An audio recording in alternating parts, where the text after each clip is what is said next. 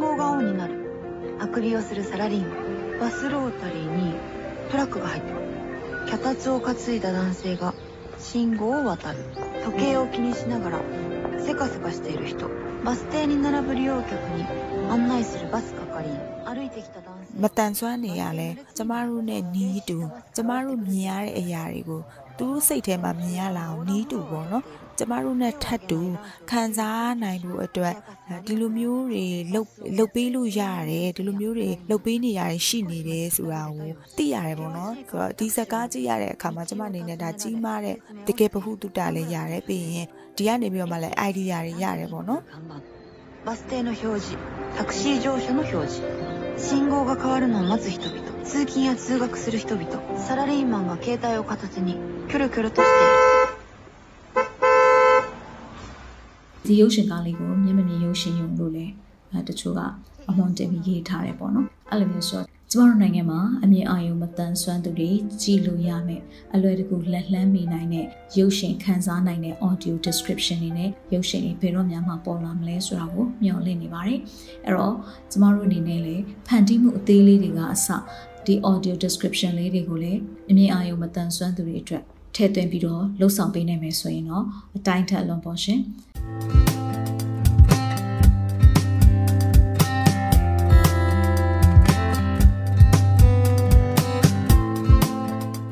မင်္ဂလာပါရှင်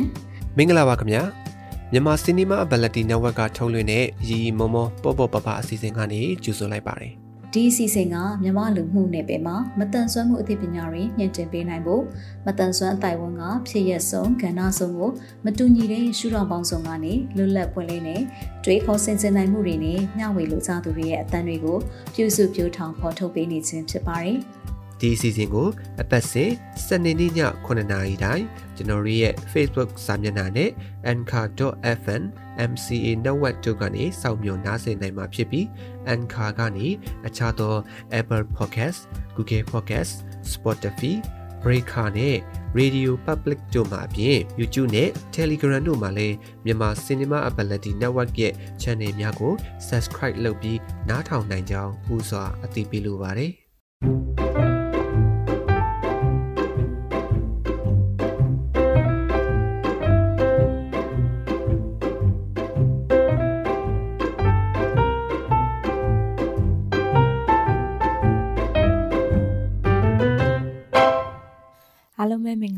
ကျမနာမည်ကတော့မြင့်မြတ်ဆန်ပါကျမကတော့2019ခုနှစ်မှာထွက်ရှိခဲ့တဲ့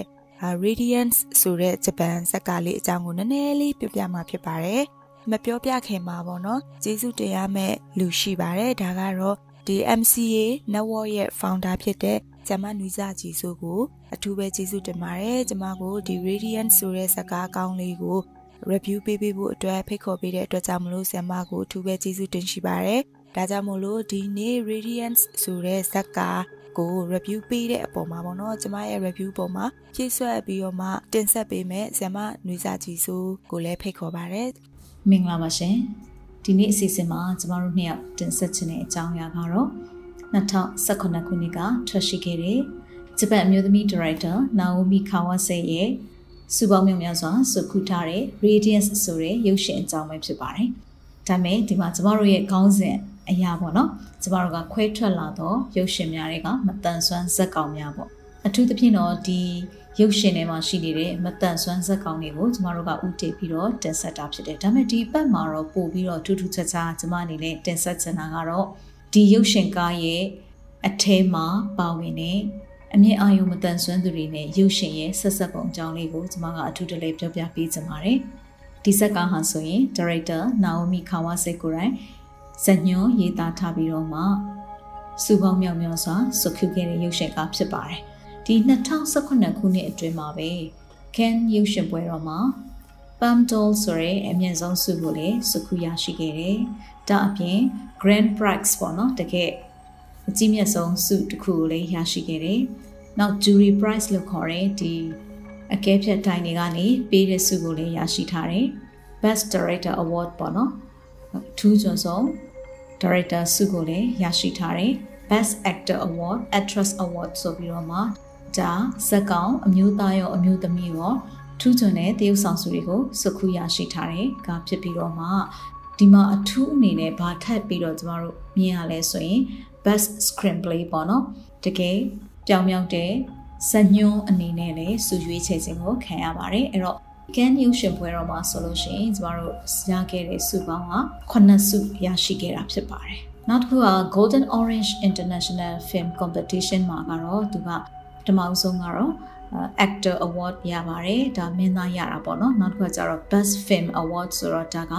အကောင်းဆုံးရုပ်ရှင်ဆုရတယ်နောက်တစ်ခုကကျတော့ best actress ပေါ့ဒါဆိုလို့ရှိရင်အမျိုးသမီးသရုပ်ဆောင်ဆုကိုလည်းရရှိထားတာဖြစ်တယ် နောက်ဆုံးကတော့ Best Director Award ပေါ့ဒါဆိုလို့ရှိရင် Director ရဲ့သရုပ်ဆောင်နှစ်ယောက်ရဲ့ရုပ်ရှင်ဇာတ်ကားဆုရဲ့အဲ့ဒီလေးစုက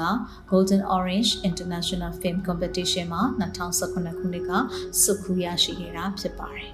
ဒီရုပ်ရှင်ကားလေးရဲ့ကြာမြင့်ချိန်ကတနာရီ40မိနစ်ဖြစ်ပြီးတော့အမျိုးအစားကတော့အာ drama romance ပေါ့အထူးသဖြင့်တော့အချစ်နဲ့ drama ရုပ်ရှင်ကားဖြစ်ပါတယ် IMDb rate အနေနဲ့ဆိုရင်6.4အထိရထားတဲ့ရုပ်ရှင်ကားဖြစ်ပါတယ်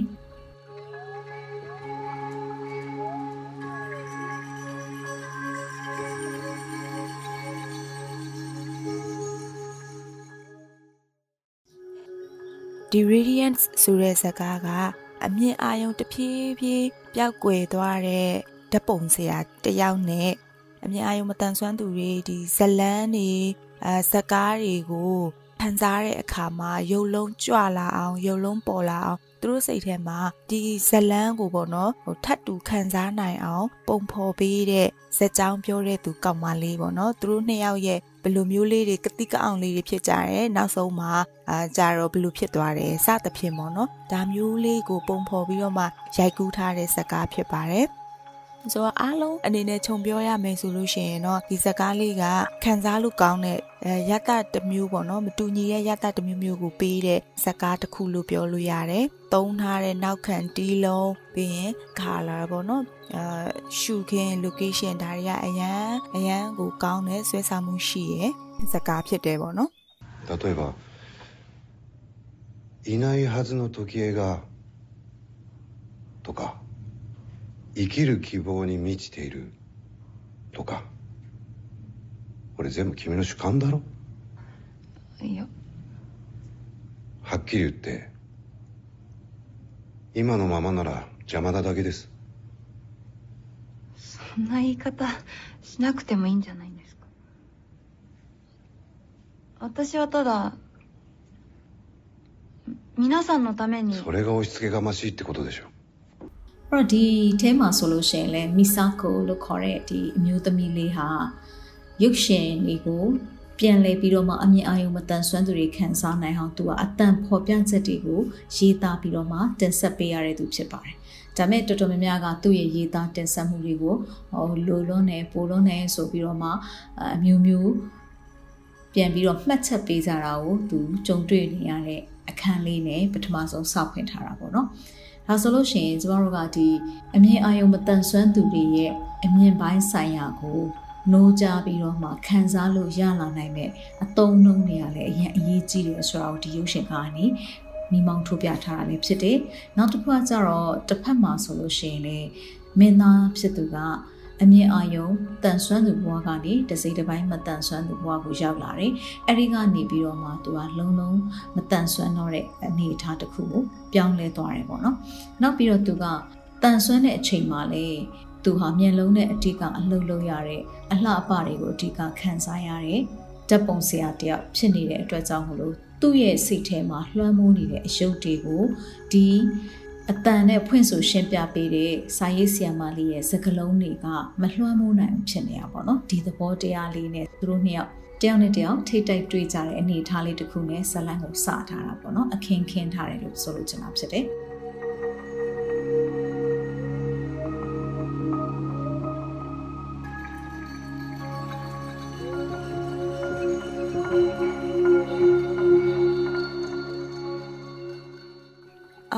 အဲ့ဒီမှာကျမအနေနဲ့ထက်ထက်ဝင်ဝင်ပြောချင်တဲ့အပိုင်းလေးရှိရပေါ့နော်အဲ့အကြောင်းပြောဖို့ဆိုလို့ရှိရင်တော့ကျမအကြောင်းလေးကိုနည်းနည်းလေးပြောပြပေးဖို့လိုတယ်ပေါ့နော်ကျမကလွန်ခဲ့တဲ့2013ကနေစပြီးတော့မှအခုလက်ရှိအချိန်ထိပေါ့နော်ဒီမတန်ဆွမ်းသူတွေဖွံ့ဖြိုးတိုးတက်ရေးအတွက်ဆောင်ရွက်နေတဲ့လုပ်ငန်းစဉ်တွေမှာထထဝင်ဝင်ပါဝင်ဆောင်ရွက်ခဲ့တယ်အခုလက်ရှိလည်းဆောင်ရွက်နေရပေါ့နော်အဲ့တော့ဒီဇကားကိုကြည့်လိုက်ခြင်းအပြင် ဘာကိုတွေ့ရလဲဆိုလို့ရှိရင်ကျမတို့မြန်မာနိုင်ငံမှာတချို့တချို့သောနေရာလေးတွေလစ်ဟာနေတယ်အဓိကအားဖြင့်တော့မတန်ဆွမ်းသူတွေအတွက်ပေါ့နော်ဒီဇက်ကားမှာဆိုလို့ရှိရင်အမြင်အာရုံမတန်ဆွမ်းသူတွေအတွက်ဇက်ကားတွေကိုပေါ့နော်ခံစားတဲ့အခါမှာဇက်ကားတွေကိုအပြည့်အဝခံစားနိုင်ဖို့ဒီဇက်ကားရဲ့အကြောင်းကိုဒီဇလန်းမှာအစအဆုံးပေါ့နော်အာဒီဇလန်းထဲမှာ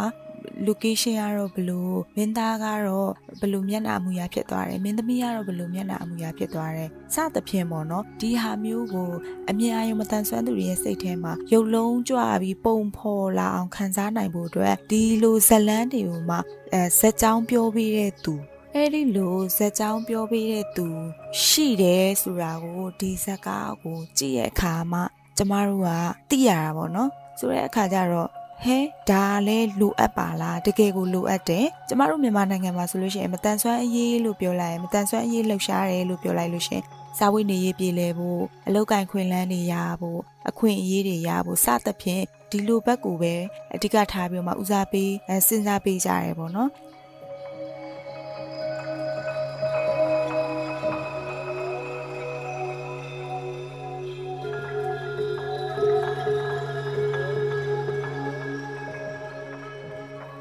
မဲ့ဒီဇကားကြည့်လိုက်တဲ့အခါမှာအမှုပညာကိုခံစားတဲ့အခါဒီ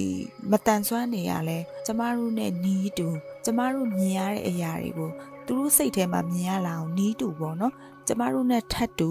ခံစားနိုင်ဖို့အတွက်ဒီလိုမျိုးတွေလှုပ်လှုပ်ပေးလို့ရတယ်ဒီလိုမျိုးတွေလှုပ်ပေးနေရတယ်ရှိနေတယ်ဆိုတာကိုသိရတယ်ပေါ့နော်ဆိုတော့ဒီစကားကြည့်ရတဲ့အခါမှာကျမအနေနဲ့ဒါကြီးမားတဲ့ တကယ်ပဟုတုတလည်းရတယ်ပြီးရင်ဒီကနေပြီးတော့မှလည်း idea တွေရတယ်ပေါ့နော်ကျမတို့မြန်မာနိုင်ငံမှာဆိုလို့ရှိရင်ရေဘူးရအပြင်စဉ်းစားရင်မျက်မမြင်မျက်မမြင်ဆိုလို့ရှိရင်သူတို့အတွက် audio book တွေဖတ်ပြမယ်ဇလန်းတွေဆိုလို့ရှိရင်ဒီစာအုပ်တွေထဲကနေပြီးတော့မှစာစာတွေဖတ်ပြမယ်အာဝတ္ထုတွေဖတ်ပြမယ်စသဖြင့်ဒီလောက်ထိပဲကျမတို့ရဲ့အတွေးအာရုံကအဲ့ဒီနားမှာပဲရက်သွားတယ်မျက်မြင်ဆိုလို့ရှိရင်ဒါတွေလုပ်ပေးလို့ရတယ်ပေါ့နော် အာပြီးရင်ဒီရေဒီယိုဇလန်းတွေနားထောင်လို့ရတယ်ပေါ့ဒါပေမဲ့ဒီဇက်ကားမှာကကြတော့ရုပ်ရှင်တစ်ခုပေါ့နော်အဲ့ဒီရုပ်ရှင်တစ်ခုမှာမှာပါဝင်တဲ့ရတမျိုးစုံဒီရုပ်ရှင်ကိုအခြေခံထားတဲ့ setting တို့ background တို့တရုပ်ဆောင်တွေရဲ့ဟန်ပန်အမှုအရာတို့စတဲ့အရာတွေကိုကျမတို့မြင်နေတဲ့လူတွေနီးတူမြင်နိုင်ခံစားနိုင်အောင်လို့မျက်မမြင်တွေကိုစက်ကြောင်းပြောပြ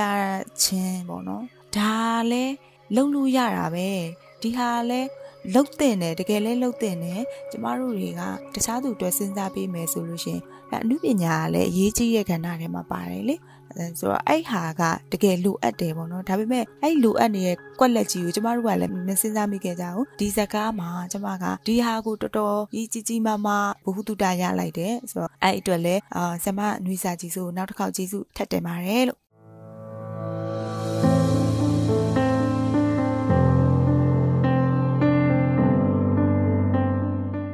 ဒါပေမဲ့ဒီဇက်ကားလေးထဲမှာအကြိုက်ဆုံး dialogue လေးတစ်ချောင်းရှိတယ်ပေါ့နော်အာဒီဇက်ကောင်ရဲ့နူးညံ့သိမ်မွေ့တဲ့ခံစားမှုနဲ့ညှင်းညူတဲ့အကြောင်းအရာလေးပေါ့အဲ့ဒါကတော့ကျမတို့မျက်စိရှိပါပျောက်ကွယ်သွားတဲ့အရာထက်ဘယ်အရာကမှပိုမလှပပါဘူးဆိုတဲ့စကားလေးပါပဲဒီစကားလေးကအမတန်ကိုဆွဲဆောင်မှုရှိတယ်နူးညံ့သိမ်မွေ့စွာနဲ့ကျမတို့ရဲ့အမြင်အာရုံပိုင်းဆိုင်ရာခံစားမှုဟာ ဘလောက်အရေးကြီးသလဲဒီအရာကနေရရှိလာတဲ့သတင်းအချက်လက်တွေခံစားမှုတွေကကျမတို့အတွက်လှပစေတယ်ဆိုတာကိုနားလည်ဖို့ဖြစ်ပါတယ်။ဒါကြောင့်မလို့သူ့ရဲ့ညင်းညူတဲ့စကားလေးတွေထဲမှာဒီစကလုံးအသုံးနှုန်းလေးကိုကျမတို့သွားပြီးတော့သတိထားမိစေတာဖြစ်တယ်ပေါ့နော်။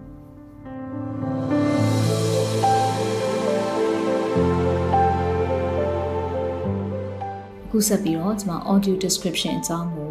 မရှင်းပြခင်ပါပေါ့နော်။ ကျွန်မအနေနဲ့အမြင့်အောင်ရုံမတန်ဆွမ်းသူမောင်နှမအချို့နဲ့စကားပြောထားပါတယ်။အဲ့ဒါကတော့ကျွန်မကပြည်သူအတန်းအနေနဲ့ဖော်ထုတ်ဖို့အတွက်ပို့ပြီးတော့လည်းပြည့်ပြည့်စုံစုံလေးဖြည့်ဆည်းခြင်းတဲ့အတွက်ကျွန်မကသူတို့ကိုမိခွန်း၃ခုနေထားပါတယ်။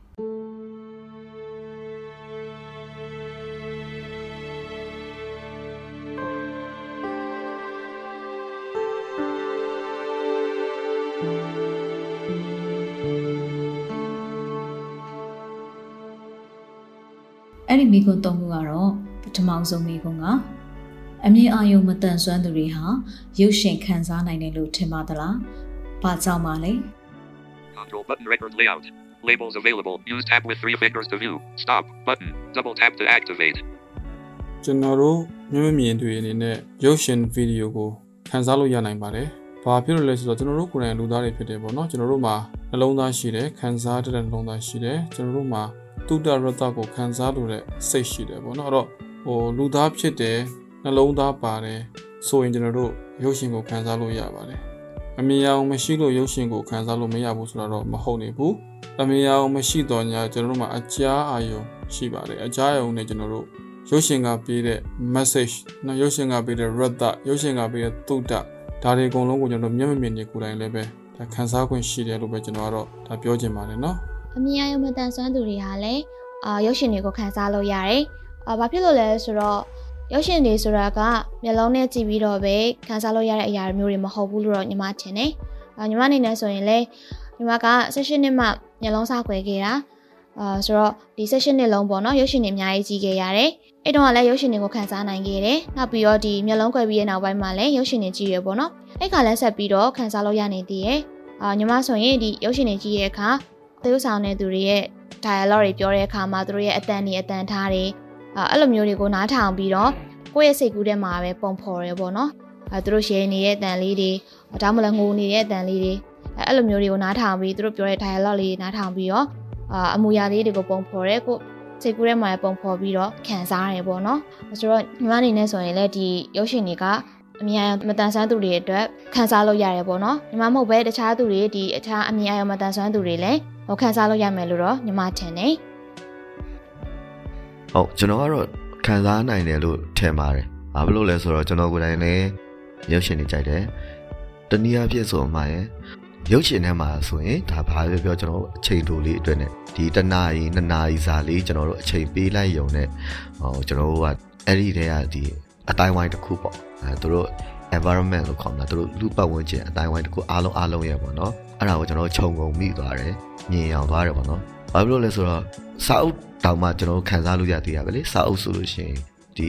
ဘာမှဟိုဘယ်လိုပြောမလဲဆိုရင်ဟို expression မပါဘူးပေါ့နော်ဟိုစာသားကိုဖတ်ပြတာကိုပဲကျွန်တော်တို့ကနားထောင်ရတာအဲ့ဒီပုံမှာတော့ကျွန်တော်တို့ကအဲကိုယ့်အနက်ကိုတစ်ခါတလေကြာလို့ရှိရင်ဟိုဇက်ကောင်တွေခွဲဖြစ်တယ်ပေါ့နော်ခွဲပြစ်ကြတယ်ပေါ့နော်ဟို live ဖတ်တယ်မ live ဖတ်ဘူးတော့ဟိုမပြောတတ်ဘူးပေါ့နော်ကျွန်တော်တို့ဘက်ကစပြီးတော့ဇက်ကောင်ခွဲကြည့်လိုက်တာဥပမာအနေနဲ့ဆိုရင်ကျွန်တော်ဇက်ကားလေးတစ်ခု အရှိတကားဝင်ပေါ့နော်မမရရဆိုအရှိတကားဝင်အဲဆီယမပုံညခင်အရှိတကားဝင်စာအုပ်လေးထွက်တော့ကျွန်တော်စာအုပ်အရင်ဖတ်ဖြစ်တာကိုနားထောင်ရတာဆိုတော့လေဒီတဲ့ character တွေကိုကျွန်တော်ကြည့်ချင်အပြင်အဲသူ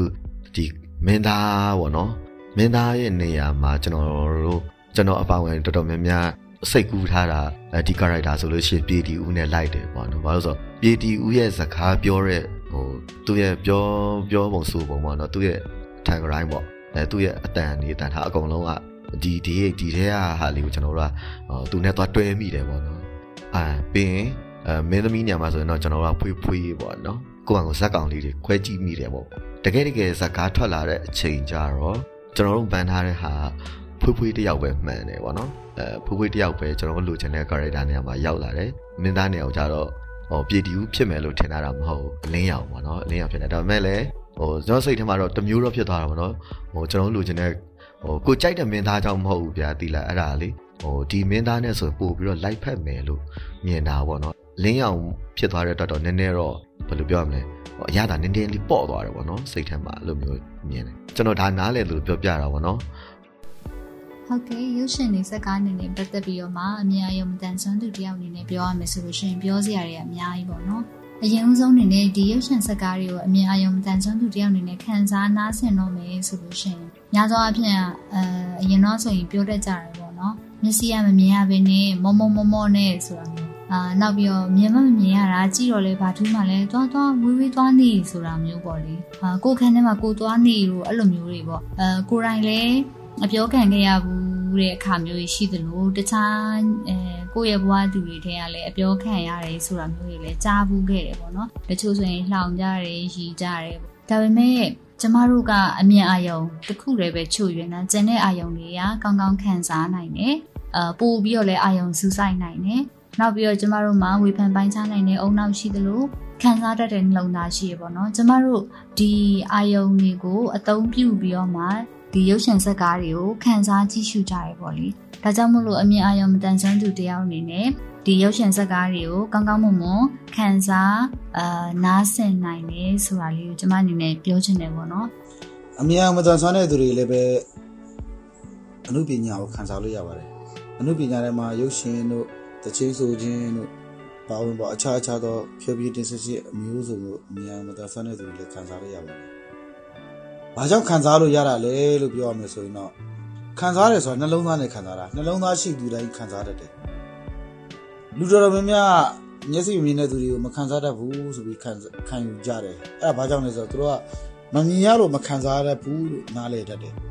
။တစ်ချိန်တစ်ခါတုန်းကရုပ်ရှင်တွေမှာနာမည်ကြီးခဲ့တဲ့ဒရိုက်တာတယောက်ကိုယ်တိုင်ကမျက်စိမြင်တဲ့သူတွေကမျက်ရည်ကျတတ်ပါသလားဆိုတဲ့မိကုမျိုးမိခံရဘူးလေ။အဲ့တော့မျက်စိမမြင်ခြင်းနဲ့မျက်ရည်ကျခြင်းနဲ့ဘာမှမပတ်သက်ဘူး။ ခံစားရဲဆိုတာမျက်စိမြင်မှခံစားရမှာအာယုံတွေကမျိုးစုံရှိတယ်။မြင်ပြီးတော့မှခံစားလို့ရတယ်။ကြားပြီးမှခံစားလို့ရတယ်။ထိတွေ့ပြီးမှခံစားလို့ရတယ်။အဲ့ဒီအချက်တွေပေါင်းပြီးတော့နှလုံးသားတွေကခံစားလို့ရတယ်။နှလုံးသားရှိတဲ့သူတိုင်းခံစားတတ်တယ်ဆိုတာလေးကိုနားလည်ပြီးဆိုရင်တော့မျက်စိမြင်တဲ့သူတွေအများမတန်ဆွမ်းတဲ့သူတွေခံစားတတ်တယ်မခံစားတတ်ဘူးဆိုတာကိုအလွယ်တကူနားလည်မှာပါလို့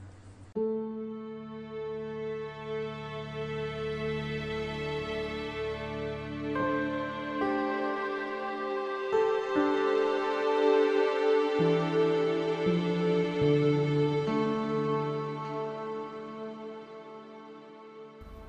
တိယမေးခွန်းကတော့အမြင်အာရုံမတန်ဆွမ်းသူတွေအများနည်းတူရုပ်ရှင်ကိုအနုပညာမြောက်စွာခန်းစားနိုင်မှုအတွက်ဘာတွေလိုမယ်လို့ထင်ပါတယ်လဲအများဆုံးကျွန်တော်တို့ကြည့်တဲ့ဟိုဇက်ကားမှာရုပ်ရှင်ရုံတို့ဘာလို့မှကျွန်တော်တို့သွားကြည့်တယ်ဆိုရင်ဟိုကျွန်တော်မမြင်ကြီးပဲသွားကြည့်ဒါနည်းနည်းရှားတယ်ဗောနော်ဘေးနာ အမြင်တယောက်ပါတယ်ဗောနော်အမြင်တယောက်ပါတယ်အဲ့အမြင်တယောက်နှစ်ယောက်လောက်ကိုတော့ကျွန်တော်တို့ကအသေးစိတ်ဒီ dialogue ကိုတော့သူတို့ကျွန်တော်ကိုပြန်ပြောပြစရာမလိုဘူးလေနော်ဒါပေမဲ့သူတို့ဘလို့နေပြီးတော့ပြောနေတာလဲဥမာဘယ်နေရာလေးမှာလဲဆိုတော့တချို့အလေးတွေကြတော့ခက်မှန်လို့ရတာပေါ့နော်ဥမာဒါအနောက်က background အနေနဲ့ဟိုမှာဆိုပါဆိုရေစီးတန်တွေပါတွေကြားနေတယ်ဆိုရင်တော့လေဒါကျွန်တော်တို့ကမြေကမ်းလို့လဲယူဆရမယ်ဗျာပင်လေကမ်းခြေပေါ့နော်တခုခုအဲတော့ဒါမှမဟုတ်ချောင်း အဲ့လိုမျိုးနေရာလေးကျွန်တော်မြင်အောင်လို့ရတယ်ငတ်တန်လေးတွေပါနေဆိုအဲ့လိုမှမဟုတ်ဘဲနဲ့ဟိုရိုးရိုးတနေရာမှာစကားပြောပန်းကြံလို့မျိုးနေရာမှာပြောတယ်ဆိုလို့ရှိရင်တော့ကျွန်တော်ကတိတ်သိနိုင်ဖို့မလွယ်တော့ဘူးဗျာအဲ့ညမှာကျွန်တော်တို့ကယူးယူးလေးပဲစဉ်းစားတာအော်သူနဲ့ဒီ character နှစ်ယောက်စကားပြောနေကြတယ်လို့ပဲကျွန်တော်တို့မြင်လိုက်တယ်အဲအဲ့ပေါ်မှာပဲဟိုဘသူကတော့လေသာမာနေတယ်ဘာဖြစ်နေဆိုစကလုံးပေါ်မှာမူတည်ပြီးတော့လေကျွန်တော်တို့က ကြည်တာ哦เนาะစကလုံးပေါ်မှာမူတည်ပြီးတော့လေအော်သူကတော့ဘလို့စိတ်ထားမျိုးဘလို့မျက်နှာမျိုးဖြစ်နေလောက်မလဲဆိုပြီးတော့ဒါကျွန်တော်တို့ဘက်ကမန်စာကြည့်ရုံတတ်တတ်ပဲရှိတယ်ဗောနော်အဲဒါပေမဲ့သူကထိုင်းနေသလားမတ်တရက်နေသလားနောက်ဘယ်လိုနေရာမျိုးမှာနေနေရလဲအဲအဲ့လိုမျိုးပြောတဲ့အချိန်မှာတစ်ဖက်ကနားထောင်တဲ့လူကရောဘယ်လိုမျက်နှာပေးမျိုးနဲ့နားထောင်နေလဲဆိုတာကြတော့ကျွန်တော်သိဖို့မလွယ်တော့အဲ့တော့မြင်တဲ့လူတယောက်တော့ကျွန်တော်တို့နားမှာရှိနေရတော့ဗောနော်ရှိနေတော့ဒါမဲ့လည်း ဟိုတခါလေကြတော့လေကျွန်တော်တို့မြင်တဲ့လူကြတော့အမြဲတမ်းမေးနေလို့တော့အဆင်မပြေဘူးဗောနော်အော်မြန်မာနိုင်ငံမှာဆိုရင်ရုပ်ရှင်တွေကြည့်တဲ့အခါမှာရုပ်ရှင်ကိုသွားကြည့်တာမျိုးဖြစ်ဖြစ်ဒါမှမဟုတ်တယောက်တည်းပဲအိမ်မှာကြည့်တာမျိုးဖြစ်ဖြစ်ဆိုရင်တော့တိတ်အဆင်မပြေနိုင်ဘူးပေါ့နော်တချို့ရုပ်ရှင်တွေမှာဆိုရင် ဒီတရုပ်ဆောင်တဲ့သူတွေက dialogue တွေပြောပြီးသွားတဲ့အခါမျိုးမှာဟိုတီးလုံးလေးတွေထည့်တယ်ပေါ့နော်တီးလုံးလေးထည့်တဲ့အခါမျိုးမှာဆိုရင်ကျွန်တော်တို့အများကြီးမတန်ဆွမ်းသူတွေအနေနဲ့ကြတော့ဟိုသူတို့ဘာလုပ်နေလဲသူတို့ရဲ့ပြုမှုတွေကဘာတွေလဲသူတို့ရဲ့ action တွေကဘာတွေလဲဆိုတာမသိနိုင်ဘူးဟိုတီးလုံးတွေအရန်ကြာလာတဲ့အခါမျိုးမှာလဲဟိုကြည့်ရတာမကြည့်ချင်တာမျိုးတွေဖြစ်ပြီးတော့ဒီဟိုဇလန်ရဲ့အနှစ်သာရတွေမသိရမျိုးတွေဖြစ်တတ်တယ်။ဘာလို့ဆိုတော့ညီမတို့အများမတန်ဆွမ်းသူတွေနဲ့ကြအတန်အဓိကအားပြုရတဲ့အခါကျတော့ဟိုတီးလုံးတွေလည်းလာနေတယ်ဟိုသူတို့ dialogue တွေမပြောနေတဲ့အခါမျိုးမှာဆိုရင်ဘာလုံးနေလဲ ဟိုဖယ်သွားလဲဘာလုံးနေလဲဆိုတာမသိနိုင်တဲ့ခါကျတော့အဆင်မပြေဘူးပေါ့နော်ပြီးတော့ဒီတချို့ရုပ်ရှင်တွေမှာဆိုရင်လဲ noise တွေအများများတယ်ပေါ့နော်ဟိုပတ်ဝန်းကျင်အတန်တွေဟိုဆူညံနေရမျိုးဖြစ်ဖြစ်ဒါမှမဟုတ်လဲလေတိုးတန်တွေပေါ့နော်လေတိုးတန်တွေအရန်ဆူညံနေတဲ့ခါမျိုးမှာဟိုတရုပ်ဆောင်တဲ့သူတွေရဲ့ဟို dialogue ပြောတဲ့သူတို့ရဲ့စကားတန်တွေကအရန်တိုးတယ်ပြီးတော့မပီမတဟိုမကွဲမပြားကြားတဲ့အခါမျိုးမှာဆိုတော့ဟိုလုံးဝအဆင်မပြေပြန်ဘူးဒီဇလန်တွေမှာတချို့စကားမပြောတဲ့အချိန်တွေပေါ့နော်အဲ့လိုအခါမျိုးတွေမှာ ဟိုတီးလုံးတွေအများကြီးထည့်ရတဲ့ဆိုင်ရဲ့ဒီ audio description လေးတွေလုပ်ပေးမှဆိုရင်တော့အဆင်ပိုပြီးရဲ့တရုပ်ဆောင်တွေဘာလုပ်နေလဲပေါ့နော်အဲသူတို့ရဲ့ action တွေကဘာလဲဆိုတာကို audio လေးတွေနဲ့ပြောပြပေးမယ်ဆိုရင်တော့ညီမတို့အမြင်အာရုံမတန်ဆွမ်းသူတွေအတွက်ဆိုရင်တော့ပို့ပြီးတော့အဆင်ပြေရပေါ့နော်ရုပ်ရှင်တွေကိုပို့ပြီးအနုပညာမြောက်စွာထမ်းစားနိုင်မယ်လို့တော့ညီမထင်တယ်နောက်တစ်ခုကတော့ကျွန်တော်တို့မျက်မြင်နေဒီရုပ်ရှင်ကြည့်တဲ့အခါမှာဘယ်လိုမျိုးလေးတွေဆိုရင်ကျွန်တော်တို့ပို့ပြီးတော့မှအဆင်ပြေနိုင်မလဲဆိုရင် သိကြတယ်ကျွန်တော်တို့မှာအမြင်အောင်မရှိဘူးအမြင်အောင်မရှိတော့ဟလာ facial expression တို့ဟလာဇက်ကောင်တွေရဲ့မျက်နှာသွင်းမြင်လက္ခဏာတွေဒါတွေကဒါတွေကြည့်ချင်းအပြင်ကျွန်တော်တို့ဟလာပို့ပြီးတော့မှဒီရုပ်ရှင်အနှစ်သာရရုပ်ရှင်ရဲ့ဇက်ရှင်အထက်ကြကိုသိတာနိုင်တာပေါ့နော်တချို့ဟာတွေမှာကျွန်တော်တို့ silent ဒီ move silent action တွေကအရန်ကိုစံညွှန်းရဲ့အနှစ်သာရကိုဖော်ပြတာရှိတယ်ပေါ့စကားမပြောဘူးသူတို့မျိုးလုံးကြည့်လေးတွေဟလာအဲသူတို့ရဲ့ဒီ တရုပ်ဆောင်နဲ့တရုပ်ဆောင်ကွက်လေးတွေကစကားမပြောဘဲနဲ့ပြတဲ့အခါမှာကျွန်တော်မျက်မြင်တွေတက်ကသိတာသိနိုင်ဖို့အတွက်အင်မတန်ခက်ခဲတယ်ပေါ့နော်မျက်မြင်ဆိုတာအတန်ကြားမှသိတော့အတန်မှဒီလုံးတန်ပဲကြားနေတယ်ဘာလို့နေမှမသိဘူးဟလာလမ်းလျှောက်လမ်းလျှောက်တဲ့အတန်လေးကြားရောလမ်းလျှောက်အောင်လည်းသိတော့ညားလည်းပဲဘာလို့နေမှမသိတဲ့အခါမှာကျွန်တော်တို့ကိုဟိုတယောက်ကပြောပြပေးတာမျိုးဆိုရင်အဆင်ပြေပါတယ်ကျွန်တော်ကတော့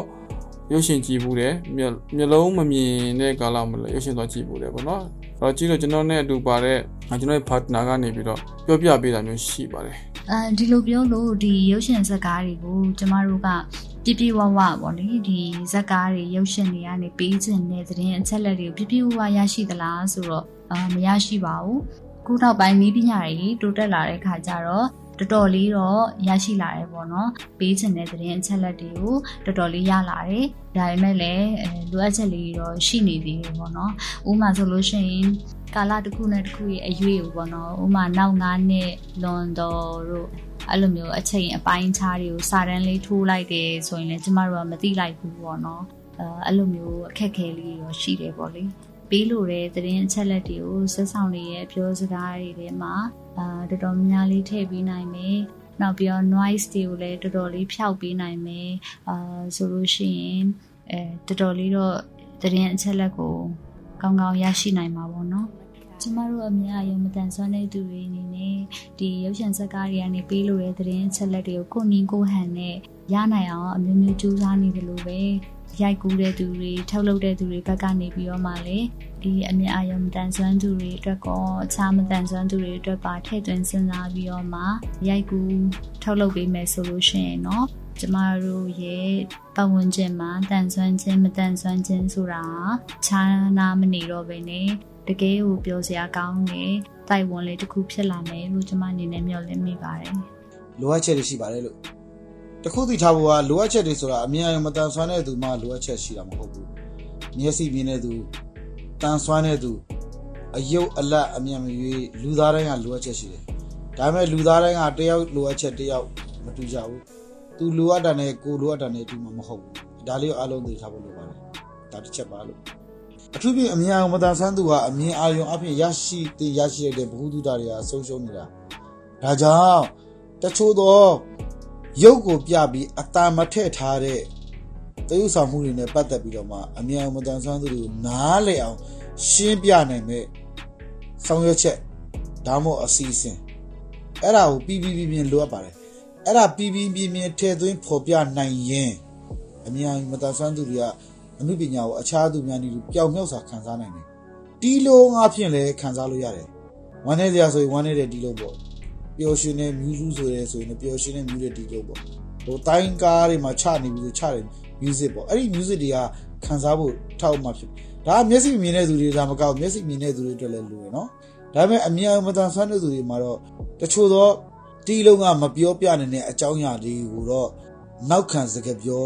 အဲ့ဒီအစီအစဉ်လေးနဲ့ဖော်ပြမယ်ဆိုရင်တော့အများနည်းတူခံစားလို့ရမယ်လို့အပြည့်အဝယုံကြည်ပါတယ်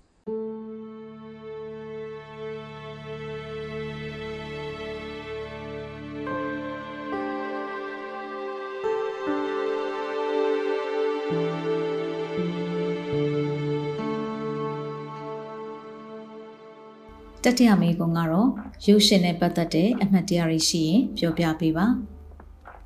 ဟိုအမတ်တရဘာရှိလဲလို့မေးရင်တော့ခုနကအရှိမပြောခဲ့တဲ့အဲရုပ်ရှင်ရုံမှာဇက်ကားသွားကြည့်တော့ဟိုဟာအဲ့အဲ့ရှိတကားဝင်ပေါ့ကျွန်တော်အမတ်မရရဆိုရင်ဟိုရုပ်ရှင်ရုံမှာဇက်ကားစကြည့်ဘူးတာကတော့ကြီးမှာပဲကြီးမှာဆိုတာမှဒီခုနကပြောတဲ့အရှိတကားဝင်တို့ဘာလို့စပြီးထွက်မှာဆိုတော့2000အဲ16လောက်ဖြစ်မှာပေါ့နော်ပထမဆုံးအနေနဲ့ရုပ်ရှင်ရုံမှာကျွန်တော် စပြီးကြည်ဘူးတယ်စံပြရုပ်ရှင်ရုံမှာစပြီးကြည်ဘူးတယ်အဲ့တော့ရုပ်ရှင်ရုံမှာကြည်ရတဲ့အရာဒါဟိုငကိုကျွန်တော်တို့ဒီမှာကိုယ့်ဘာကိုကြည်ရတဲ့နားထောင်ရတဲ့ရတာနဲ့ဘာမှမတူ။နောက်အဲ့ချိန်တော့ကျွန်တော်နည်းနည်းမြင်ရတဲ့အတွက်ဟိုရုပ်ဟိုသူတို့ကဟိုဟိုမှာဟိုပြတဲ့ဟာလေသူကအကြီးတွေဆိုတာလေပုံပုံရိပ်တွေအကြီးတွေဆိုတာပို့ပြီးတော့လဲအားရတယ်။နောက်ပြီးတော့ဟိုဒီအတန်ပိုင်းဆိုင်ရာပေါ့ sound system အနေနဲ့လည်းကျွန်တော်တို့နားထောင်ရတာပို့ပြီးတော့ဟိုအရသာရှိရပါတော့။ လက်ချက်နဲ့နားထောင်ရတာတဲ့ဆိုင်ပို့ပြီးတော့အဲ့မှာတော့ကြည့်ရတာပို့ပြီးအရသာပြည့်ပြည့်စုံစုံရတယ်လို့ပြောလို့ရတယ်။ဒီမှာလန့်စရာရှိရဆိုလဲဒိန်းကနေဆိုသူများတွေလန့်တယ်လို့ကိုလည်းလန့်ရတာပေါ့နော်အဲအဲ့လိုမျိုးလေးတွေအမတ်တရားအနေနဲ့ဘယ်လိုရှိလဲဆိုရင်တော့အရှိတကားဝင်ကိုကျွန်တော်စကြည့်ဦးတဲ့အချိန်မှာဆော့ပြောတဲ့အတိုင်းပဲကျွန်တော်ဖြစ်ချင်တဲ့ character နည်းနည်းလေးလွဲသွားတဲ့အတွက်တိတ်ပြီးတော့ဟိုဘယ်လိုပြောမလဲဟော feeling နည်းနည်းယော့သွားတယ်ပေါ့နော်နောက်တစ်ခုကရုပ်ရှင်အနေနဲ့ဆိုကြဆိုရင်တော့စာအုပ်ကို ဖတ်ရတာတော့အရသာမတွေ့တော့အဲ့တော့နောက်ပိုင်းဆိုရင်ကျွန်တော်စဉ်းစားရပါတော့ဟိုဘယ်ဟာပဲဖြစ်ဖြစ်ကျွန်တော်စာအုပ်ကိုအရင်မဖတ်ဘဲနဲ့ဟိုရုပ်ရှင်ကိုပဲအရင်ကြည့်တော့မယ်ပေါ့နော်ဘာလို့ဆိုစာအုပ်ဖတ်ပြီးသွားပြီဆိုတော့ရုပ်ရှင်လုံးဝမကြည့်တော့ဘူးဆိုတော့ကျွန်တော်စိတ်ကူးလေးတစ်ခုရလိုက်တယ်ပေါ့နော်အဲ့လိုအဲ့လိုအဲ့လိုမျိုးအတွေးလေးတစ်ခုပေါက်သွားတယ်ပေါ့နောက်တာတီရုပ်ရှင်စကားထွက်တော့လဲကျွန်တော်စောပြောတယ်ဒီ အတန်ပိုင်းဆိုင်ရာနဲ့ပတ်သက်လို့ရှင်အဲ့မှာသွားကြည့်လိုက်ရတဲ့အတွက်ပို့ပြီးတော့ကြောက်စရာကောင်းတယ်ဆိုတာလဲပို့ပြီးတော့ပေါ်လွင်တယ်ပေါ့နော်စိတ်ထဲမှာပို့ပြီးတော့လဲပုံဖော်လို့ရတယ်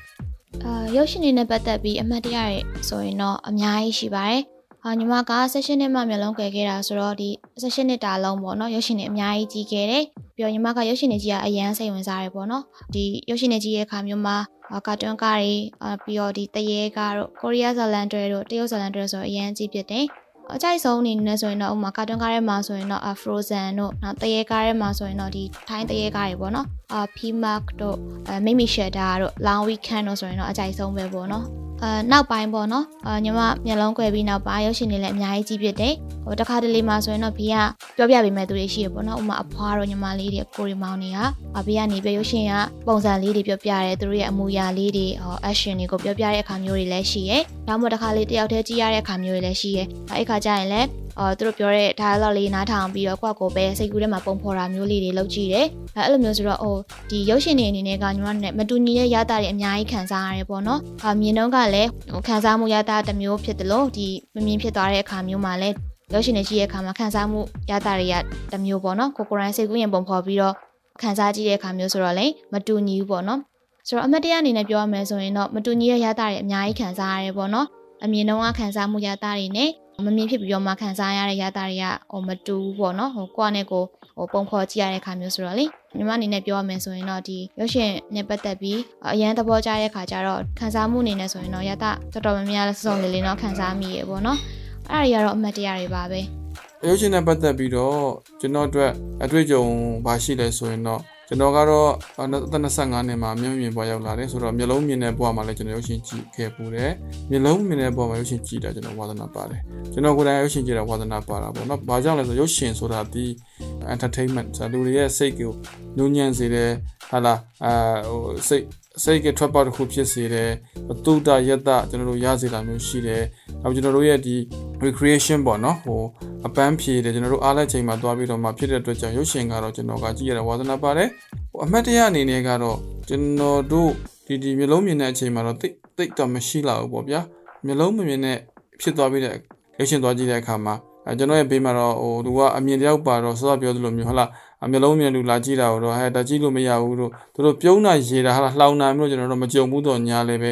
ရုပ်ရှင်ုံထဲမှာစောစောပြောသလိုဟာလားရုပ်ရှင်ကိုစိတ်ဝင်စားနဲ့အဲကြည့်ပြီးတော့မှဟိုကျွန်တော်မှတ်မိတယ်ဗျရုပ်ရှင်ကျွန်တော်ကြည့်တဲ့ကားလေးမှတ်ရတာတေကြီးဆိုတာတရေကတရေကเนาะနေတို့တေဥဆောင်တဲ့ကားလေးအဲကျွန်တော်ကြည့်ဘူးနောက်ပြီးတော့ကိုးထားနေကိုဆိုတဲ့ကားအဲ့ကားတော့တကယ်ပါမတန်ဆွမ်းကားရိုက်တဲ့ကားလေးပေါ့เนาะအဲ့ကားလေးကျွန်တော်အမှတ်တရရှိတယ်အဲ့တော့ဆိုလိုတာကတာတေကြီးဆိုရင်လည်းပဲ တရေကဆိုတော့လေဟိုအတန်ကစကားပြောတဲ့အတန်ကတော်များတိတ်မပါပဲနဲ့သူက6တဲ့အခန်းလေးဆိုတော့ရုပ်နဲ့ပဲပြတာပေါ့နော်ဆိုတော့အလားမျိုးလေးဆိုရင်ကျွန်တော်တို့ကတယုံလုံးကကြောက်နေကြပါမယ်ကျွန်တော်ကျွန်တော်မကြောက်ကြတာမျိုးပေါ့နော်အဲ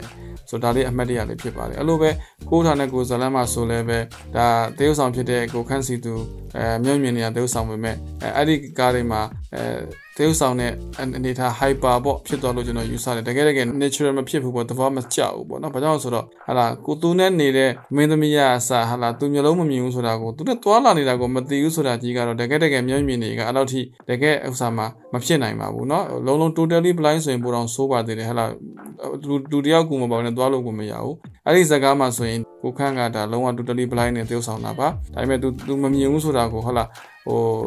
သူသူနဲ့တွေ့တယ်မင်းသမီးကမသိဘူးဆိုတဲ့ဟာမျိုးလေးတွေပေါ့နော်နောက်ပြီးတော့ဘယ်တော့လမ်းလျှောက်တော့မပါပဲသွားတာမျိုးဒီကကြတော့အဆင်မပြေတာမျိုးဒီကျွန်တော်တို့ကတော့အမှတ်တရလေးဖြစ်ခဲ့ပါတယ်ပေါ့နော်အဲ့တော့သို့တော့အဲ့ဒီကားမှာဆိုလည်းဘာဖြစ်အဲရုပ်ရှင်လောကမှာမတန်ဆွမ်းတဲ့ပတ်သက်ပြီးွားရင် အဲအတိုင်းအတာတစ်ခုထိဟိုအများကြီးပေါ့နော်အရင်နဲ့စာရင်ကျွန်တော်တို့တနာတယ်ဘာညာဆိုတဲ့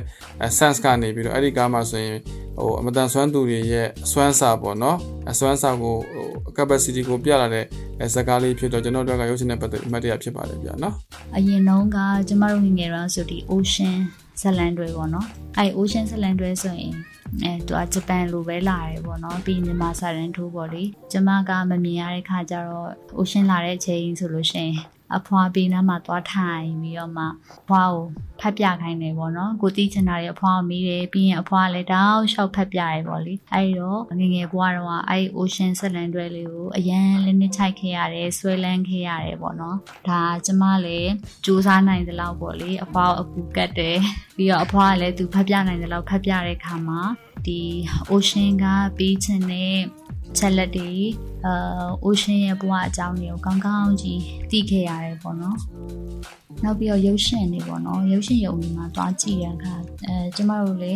လူငယ်တဘာဝပေါ့လေရုပ်ရှင်ရုံတွေတွားကြရတယ်ကြည့်ကြရတယ်ပေါ့လေအဲ့လိုမျိုးအချိန်မှာဆိုလို့ရှိရင်ပျော်လဲပျော်ရတယ်ပေါ့နော်တချို့လူတွေရဲ့အမြင်ကတော့ခုနပြောသလိုရှိတယ်ဒါပေမဲ့လည်း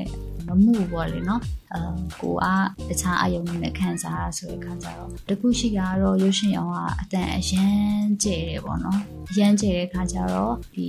အတန်တွေကိုမခံစားနိုင်ဘူးပေါ့လေအာဇက်ကားတွေရုပ်ရှင်တွေကြည့်ရကြိုက်ပေမဲ့လည်းအမ်ဒီအရန်ကျဲတဲ့အတန်တွေကိုမခံစားနိုင်ဘူးကိုယ့်ရဲ့ဒီအကြားအာရုံနဲ့မှညင်တတမမစည်းစင်းတဲ့ခါကျတော့တိတ်တော့မသွားဖြစ်ဘူးပေါ့နော် ဒါကတော့ကျွန်မကြည့်ခဲ့မှုတဲ့ရုပ်ရှင်ရုံမှာတချို့ရုပ်ရှင်တွေမှာရုပ်ရှင်ရုံတွေမှာတော့အဲဒီအတန်ခက်ကိုညင်ညောင်ညောင်လေးဖြစ်အောင်လို့အဲလုပ်ထားတာလည်းရှိပေါင်းရှိနိုင်ပါတယ်ရှိလည်းရှိမှာပါပေါ့နော်အဲကျွန်မကြည့်ခဲ့မှုတဲ့ရုပ်ရှင်ရုံကတော့တော်တော်လေးအတန်ကျဲတယ်ပေါ့နော်အဲလူကြီးတော့မှမခံနိုင်ဘူးဆိုရင်ခလေးဆိုပို့ပြီးတော့မှအဆင်မပြေဘူးပေါ့နော်အမှုပညာဖန်တီးမှုနဲ့ပတ်သက်တဲ့တနည်းအားဖြင့်ရုပ်ရှင်နဲ့ပတ်သက်လို့ခံစားမှုတွေအများကြီးရှိပါတယ်တခါတော့ကကျွန်တော်ညီကသူက တခါတော့ဆိုတာနာဂိမုန်တိုင်းကြတဲ့2009ခုနှစ်ကပေါ့သူကမင်းသားအဖြစ်အရင်ဝါသနာပါသူစူးစမ်းအထောက်ပြီးတော့မှ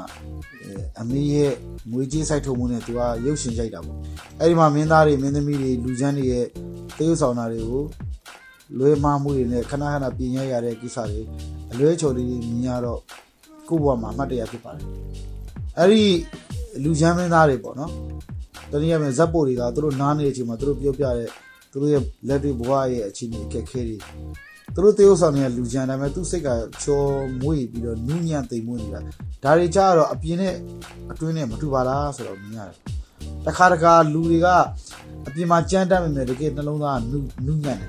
တချို့တလေကြတော့နှလုံးသားကြမ်းတမ်းပြီးတော့မှအပြင်မှာနူးညံ့တယ်အဲအဲ့ဒါကြောက်စရာကောင်းတယ်အဲ့ဒီဟာတွေကကျွန်တော်တို့သင်ခန်းစာယူစရာနဲ့အမှတ်တရပါလို့ဒါအမှတ်တရတွေအများကြီးတွေတခုပဲထုံးထုံးပြပြခြင်းဖြစ်ပါတယ်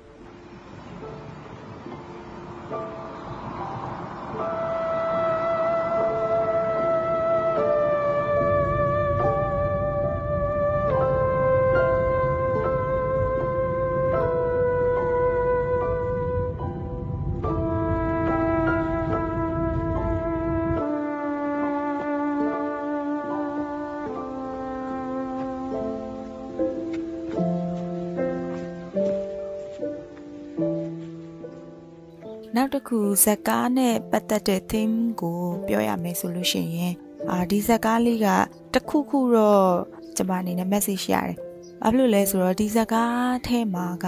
ကျမနားလေလိုက်တာပေါ့နော်ကျမနားလေလိုက်တာလူတွေကကိုအရန်ဆွဲလန်းတဲ့ဟာကိုအရန်နှစ်သက်တက်မှတ်တဲ့ဟာပေါ့နော်ဒီဟာကိုကွာအမြဲတမ်းတီတီအထိစုပ်ကင်သွားခြင်းကြရတယ်ပေါ့နော် ဒါပေမဲ့ကျမတို့ဒီအကြောင်းအရာမျိုးမျိုးကြောင့်တော့၎င်းအဖြစ်အပျက်မျိုးမျိုးကြောင့်တော့၎င်းဒီအရာတွေဒီအချိန်မျိုးကျမတို့ဆုံးရှုံးသွားနိုင်တယ်အဲ့လိုဆုံးရှုံးရတော့မယ်ဆိုတာကိုသိလာရတဲ့အခါမှာပေါ့နော်ဒီခံစားရတဲ့ခံစားချက်ကိုပေါ်လွင်နေပေါ့နော်ဒီဇက်ကားမှာဆိုလို့ရှိရင်လည်းဒီကင်မရာမန်ဖြစ်တယ်ကင်မရာမန်ဆိုတာဒီเนาะကျမတို့အယောင်တွေခံစားမယ် အမြင်အာရုံနဲ့အဓိကထားပြီးအလုပ်လုပ်ရတယ်ဒီကင်မရာရိုက်တာကလည်းဒီလူရဲ့အဓိကဝါသနာဖြစ်တယ်ဆိုတော့သူ့ရဲ့အမြင်အာရုံတွေကတဖြည်းဖြည်းဆုံးရှုံးလာရတဲ့အခါမှာဒီဟာကြီးကို तू ကစွန့်လို့ရတော့မှာစွန့်လို့ရတော့မှာဆိုတဲ့အခါကျတော့သူ့ရဲ့စိတ်ထဲမှာဘယ်လိုတွေရှိနေမလဲဘာတွေခံစားနေရမလဲပေါ့နော်အဲ့ဒီမှာပြထားတဲ့ဇလန်းဆက်ကွက်တွေမှာလေကျမတို့မြင်နိုင်တယ်ပြီးရင်သူနဲ့ထပ်တူခံစားရတယ်ပြီးတော့အဲ့ဒီမှာမှ ပိုဆိုးတာဒီကျမတို့ဒီဒီဟာကြီးကိုဆုံးရှုံးရမယ့်ဟာကိုချက်ချင်းရုတ်တရက်ဆုံးရှုံးသွားတာမျိုးမဟုတ်ဘဲနဲ့တဖြည်းဖြည်းချင်းကိုယ်စီကနေပြီးမှတစ်ဖက်တစ်ဖက်တစ်ဖက်ချင်းစီယူသွားလို့တမြင့်မြင့်နဲ့ပို့ပြီးတော့မှခံစားရတယ်အဲ့လိုမျိုးလူတယောက်ရဲ့ခံစားချက်ပေါ့နော်အဲဒါကကင်မရာမန်ရဲ့ခံစားချက်တစ်ဖက်မှာလည်းကောင်မလေးကလည်းသူ့ဘဝမှာသူ့ရဲ့အဲတကယ်မျက်နှိုးရတဲ့အရာသူအရန်ကိုတန်ဖိုးထားရတဲ့အရာကိုသူကဆုံးရှုံးဘူးတယ်ဒီလိုမျိုး တန်မိုးထားတဲ့အရာတွေကိုဆုံးရှုံးရတဲ့လူအချင်းချင်းပေါ့နော်သွားဆုံတွေ့ပြီးတဲ့အခါမှာဆက်ဆချင်းမှာတော့တယောက်ကြောင်တယောက်မသိသေးတဲ့အခါမှာကျတော့နည်းနည်းလေးခက်ခဲလေးတွေရှိမယ်အာပြီးတော့နည်းနည်းလေးတယောက်နဲ့တယောက်မြင်မကြည်တာလေးတွေဖြစ်မယ်ပေါ့နော်ဒါပေမဲ့တယောက်အကြောင်းတယောက်နားလဲသွားတယ်တယောက်ခံစားချက်တယောက်ကိုသိသွားတယ်ပြီးတော့ ခံစားချက်ချင်းကလည်းထပ်တူညီကြတဲ့အခါမှာအာသူတို့မှာခက်ခဲတွေရှိနေပေမဲ့သူတို့နှစ်ဦးရဲ့ကြားထဲမှာချစ်ချင်းမြတ်တာဆိုတဲ့အရာကပေါ်လာတယ်ပေါ့နော်အဲ့ဒါလေးကိုအခြေခံထားတဲ့ဇလန်းဖြစ်တ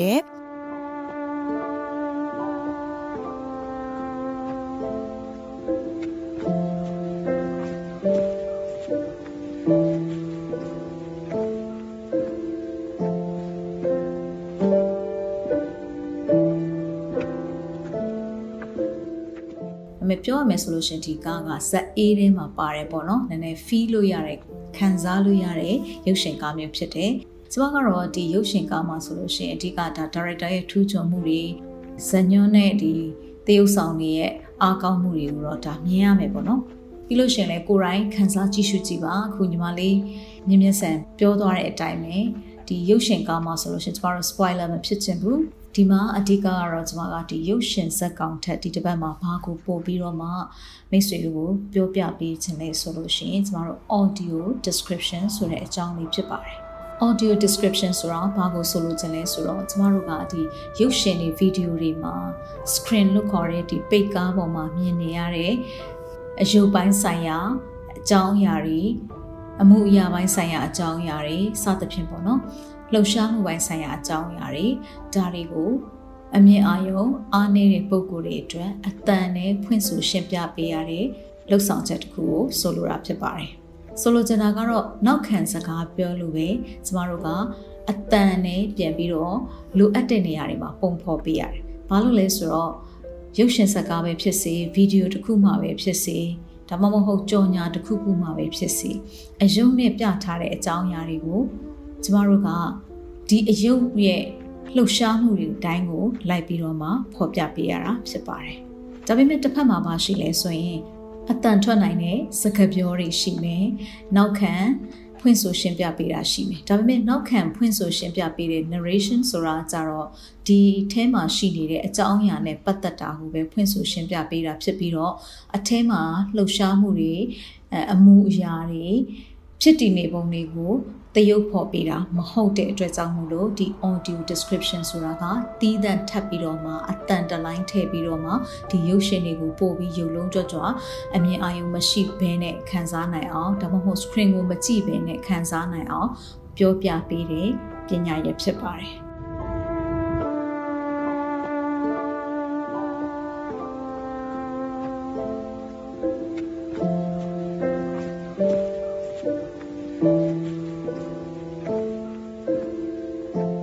ကျမတို့ခု audio description လေးအကြောင်းကိုဆက်သွားရအောင်ပေါ့နော်တကယ်တော့အတန်နဲ့ဖော်ပြချက်ဆိုတာဟာရုပ်ရှင်တွေမှာစာရန်ထိုးတွေအတွက်ဖြည့်ဆွတ်ပေးနိုင်တဲ့အသစ်သောနည်းပညာတစ်ခုဖြစ်ပါတယ်။အဲဒီတော့ရုပ်ရှင်သို့မဟုတ်ဗီဒီယိုတစ်ခုခုမှာ narration လို့ခေါ်တဲ့နောက်ခံဖွင့်ဆိုရှင်းပြခြင်းကကြတော့ရုပ်ရှင်တွေကအကြောင်းအရာနဲ့လိုက်ဖက်တဲ့ဇာတ်ကြောင်းပြောခြင်းပဲဖြစ်စေ တခြားသောအသိပညာဗဟုသုတတွေကိုဖြည့်ဆွတ်ပြီးတော့မှတင်ပြတာပဲဖြစ်စေလုပ်တဲ့အပိုင်းဖြစ်ပေမဲ့တကယ်တမ်း screen လို့ခေါ်တဲ့ဒီ page ကားပေါ်မှာပြနေတဲ့ဇက်ကောင်တွေအကြောင်းအရာတွေလှုပ်ရှားမှုတွေမြင်မျက်နှာသွင်းပြအနေအထားတွေရှုခင်းတွေမျက်နှာရဲ့တုံ့ပြန်မှုတွေဒီ မျက်နှာရည်မျက်နှာကဲနဲ့တုံ့ပြန်မှုတွေခန္ဓာကိုယ်နဲ့လှုပ်ပြတဲ့ body language တွေ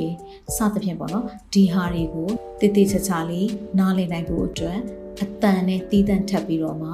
လွတ်နေတဲ့နေရာတွေမှာဖြည့်ဆွတ်ပြီးတော့မှရှင်းပြပေးရတာဖြစ်ပုံမှန်အားဖြင့်ရုပ်ရှင်တကားမှာဆိုရင်စကားပြောဆိုတဲ့ dialogue တွေရှိမယ် narration လို့ခေါ်တဲ့နောက်ခံဖွင့်ဆိုရှင်းပြခြင်းတွေရှိမယ်အဲ့ဒီအတန်တွေအပြင်ကျမတို့ background music ပေါ့နော် နောက်ခံဒီလုံးလေးတွေပါမယ်ဒါတွေကိုကျမတို့ကကြားရမှာဖြစ်တယ်။ဒါအပြင်ခုထပ်ပြီးတော့မှ audio description ဆိုတာကိုပံ့ပိုးလိုက်ခြင်းအပြင်မြင်အောင်အားနည်းနေတဲ့ပုံကိုယ်တွေအတွက်ဒီဟာကပို့ပြီးတော့မှထဲထဲဝင်ဝင်အကြောင်းအရာတွေကိုသိစေတဲ့ခန်းစားချက်တွေကိုနှိုးဆွနိုင်မှာဖြစ်ပါတယ်။ ဘာကြောင့်ဒီအတန်ဖော်ပြချက်ကအရေးကြီးတယ်လို့ထင်တယ်လဲဆိုလို့ရှိရင်ဒီအတန်ဖော်ပြချက်ကနေသတင်းအချက်လက်အသစ်တွေကိုပေးနိုင်တယ်ပြီးလို့ရှိရင်အမြင့်အာရုံပိုင်းဆိုင်ရာနဲ့ပတ်သက်တဲ့တည်တဲ့တည်ထိုက်တဲ့ဖြစ်မနေထည့်ပြီးတော့မှတင်ဆက်ဖို့အတွက်အရေးကြီးတဲ့သတင်းအချက်လက်တွေကိုဒီ audio description ကနေပြီးတော့မှဦးစားပေးပြောပေးရမှာဖြစ်တယ်เนาะ ဆိုလိုချင်တာကတီးဖြတ်ပြီးသားရုပ်ရှင်တွေမှာဆိုလို့ရှိရင် narration တွေ dialogue တွေလွတ်သွားတဲ့နေရာတွေမှာ audio description ကအယုတ်ပြတဲ့အပိုင်းတွေကိုဦးစားပေးပြီးတော့တင်ဆက်ပေးရတာဖြစ်ပါတယ်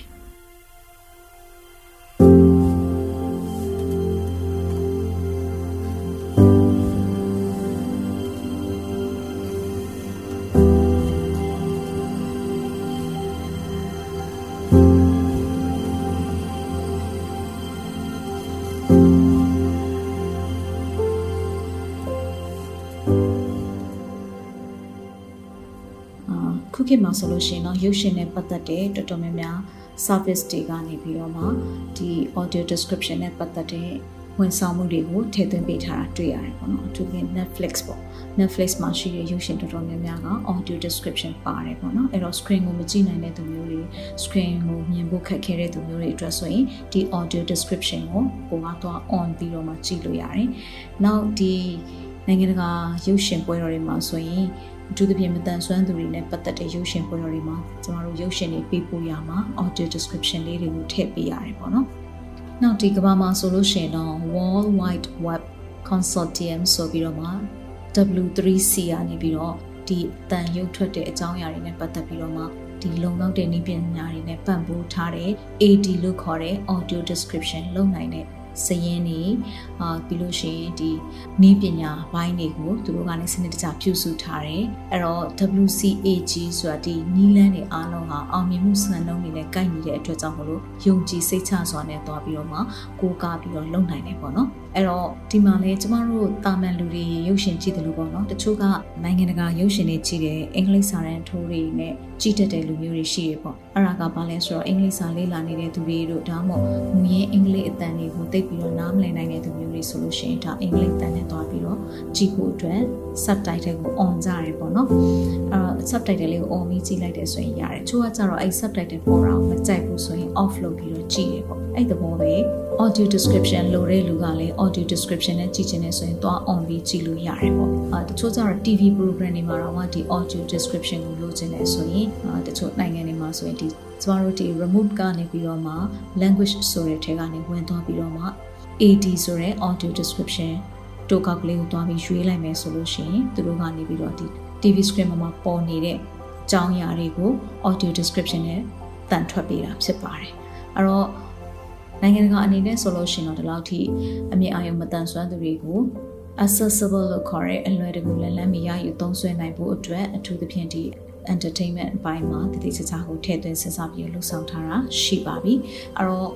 ရုပ်ရှင်ခန်းစားဖို့အတွက်အမြင်အာရုံမတန်ဆွမ်းသူတွေမှာအတားအဆီးတွေရှိမနေတော့ပါဘူးဒါပေမဲ့ကျမတို့နိုင်ငံမှာကတော့အဲ့ဒီလိုမဟုတ်သေးဘူးဒါအရှိကမောင်နှမတွေလည်းအများကြီးပြောပြသွားတယ်ပေါ့နော်ဆိုတော့သူတို့ရဲ့ဖြစ်စေခြင်းတဲ့စိတ်ကလေးတွေ သူတို့ကြားမှုတဲ့ဘုဟုတုတလေးတွေသူတို့ရဲ့အမှတ်တရအတွေ့အကြုံလေးတွေနောက်သူတို့ကဒီ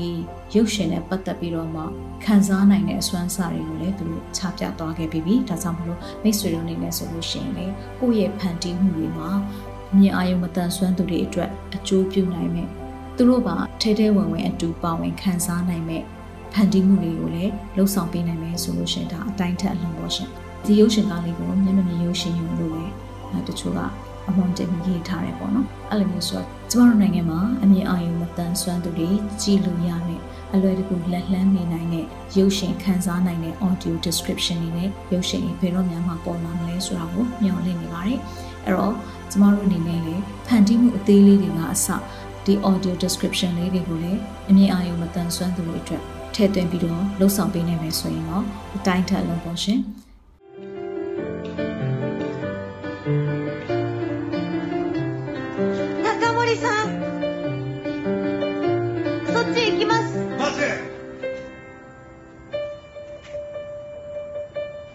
俺は追いかけなくても探さなくても大丈夫だからちゃんとちゃんとそこに行くから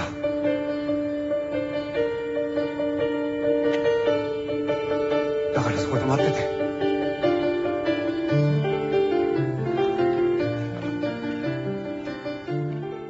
ဆိုတော့နောက်ဆုံးအခန်းကတော့အရန်အာကျမအကြိုက်ဆုံးပဲပြီးတော့ဒီဇက်ကားကဒီနောက်ဆုံးအခန်းကပရိသတ်တွေကိုဟာကနေပေါ့နော်။အော်အဲ့လိုမျိုးနားလေသွားစေတယ်လို့ကျမတို့မြင်တယ်ပေါ့နော်။အဲ့ဒါကြောင့်မလို့ဒီဇက်ကားဒီ နောက်ဆုံးအချိန်ထိကိုမှအံ့ဩ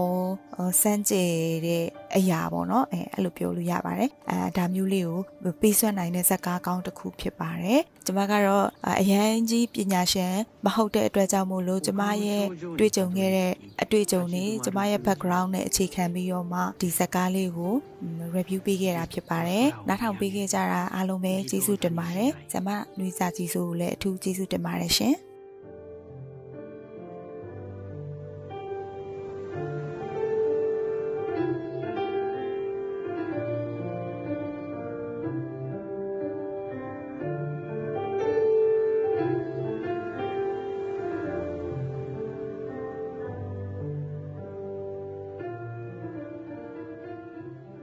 ရုပ်ရှင်နဲ့ပတ်သက်လို့နောက်ဆုံးတစ်ခုအနေနဲ့ဝင်ပြချင်တာကတော့ဒီ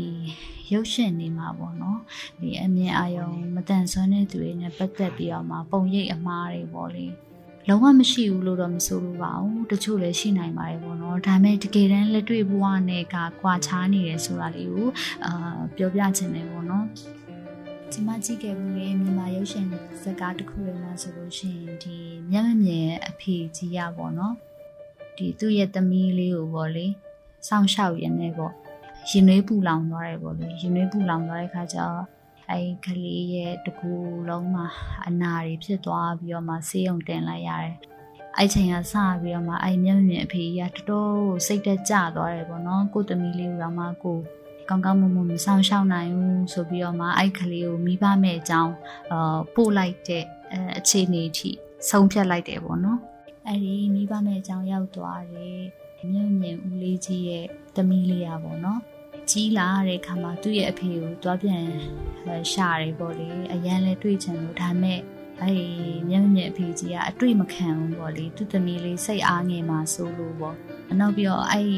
သူ့သမီးလေးနဲ့လက်ထက်မဲ့ကောင်လေးရလည်းပဲ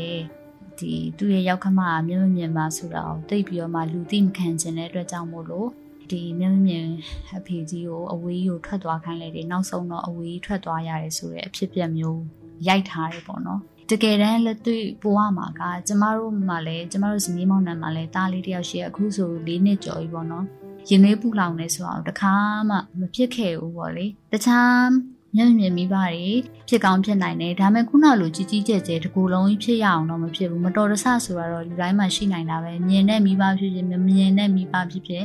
ရှိနိုင်တာပဲပေါ့လေနော်နောက်တစ်ခုကကြတော့ဒီလို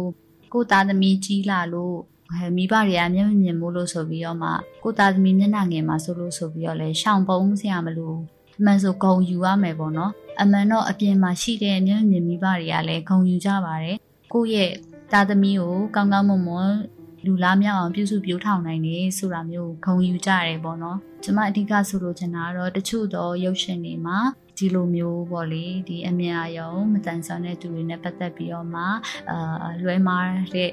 အဲရိုက်ကူးမှုလေးတွေရှိတယ်ပေါ့နော်ဒါပေမဲ့လည်းမြေတို့ပင်ဆိုစီကမှုရုပ်ရှင်ကို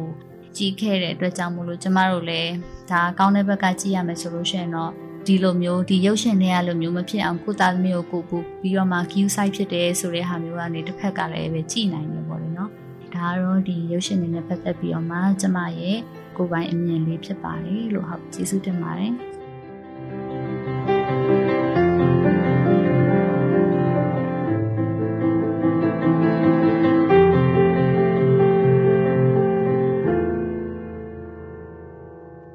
နောက်တစ်ခုကကြတော့ဒီဇညွှန်းရေးသားမှုအပိုင်းတွေမှာဆိုလို့ရှိရင်လေ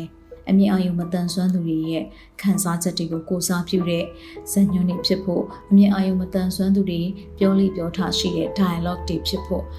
အမြင့်အာရုံမတန်ဆွမ်းသူတွေ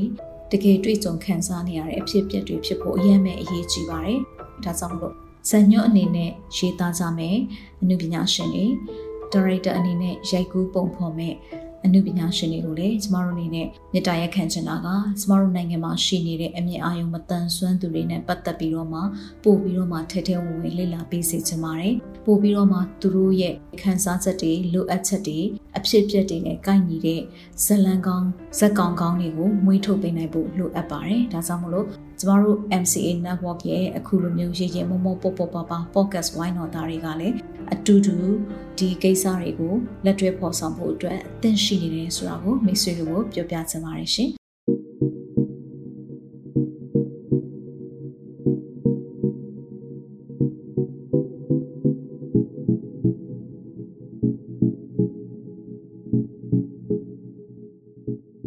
ယခုအစီအစဉ်ကိုမိတ်ဆွေတို့အနေနဲ့အစအဆုံးနားထောင်ပြီးပြီဆိုရင်တော့မိမိတို့ရဲ့သဘောထားမှတ်ချက်များကို